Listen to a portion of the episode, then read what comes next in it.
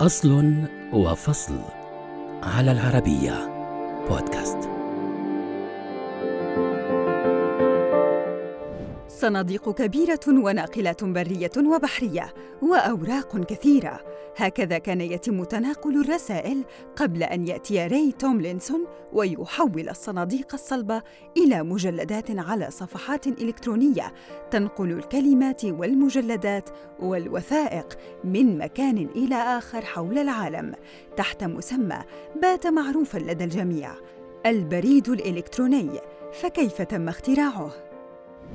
بدأت رحلة اختراع البريد الإلكتروني في ستينيات القرن الماضي من خلال إرسال الرسائل داخل شبكة من الحواسيب. ولعل نظام Mailbox الذي استخدم بمعهد ماساتشوستس للتكنولوجيا كان بمثابة أرضية لهذا الاختراع. لكن البداية الفعلية جاءت على يد مهندس الحاسوب راي توملينسون في عام 1971 عندما أنشأ نظاماً لنقل الرسائل داخل شبكة عامة واستخدم الرمز آت كرمز لتسمية العناوين. تم استخدام النظام الجديد من خلال ربط المستخدمين على شبكة وكالة مشروعات الأبحاث المتقدمة الأمريكية أربانيت حيث كان يعمل توملينسون من قبل وزارة الدفاع الأمريكية قبل أن يبدأ التفكير في تبادل المنظمات المختلفة الرسائل بينها.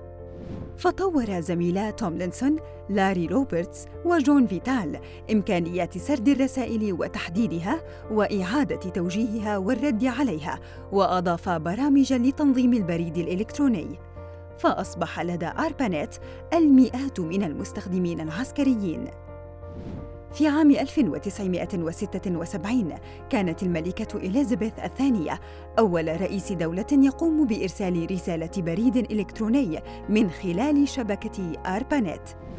ومع بدء الاستخدام المدني تم إنتاج العديد من الأنظمة البريدية بدءاً من تطبيق يودورا الذي استخدم واجهة رسومية مرورا ب Pegasus ثم Lotus Notes الذي بيعت منه أكثر من 3500 نسخة عام 1989 بحلول منتصف التسعينيات دخلت الشركات الكبرى في سباق المنافسة على إصدار تطبيقات بميزات أعلى.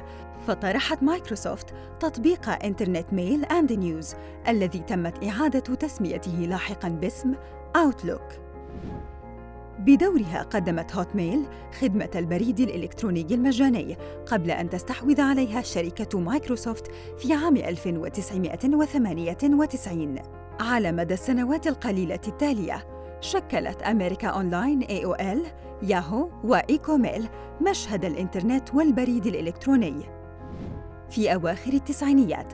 أصبح هناك 400 مليون مستخدم وبدخول الألفية أصبح امتلاك حساب بريد إلكتروني ضرورة عند مستخدمي الشبكة العنكبوتية.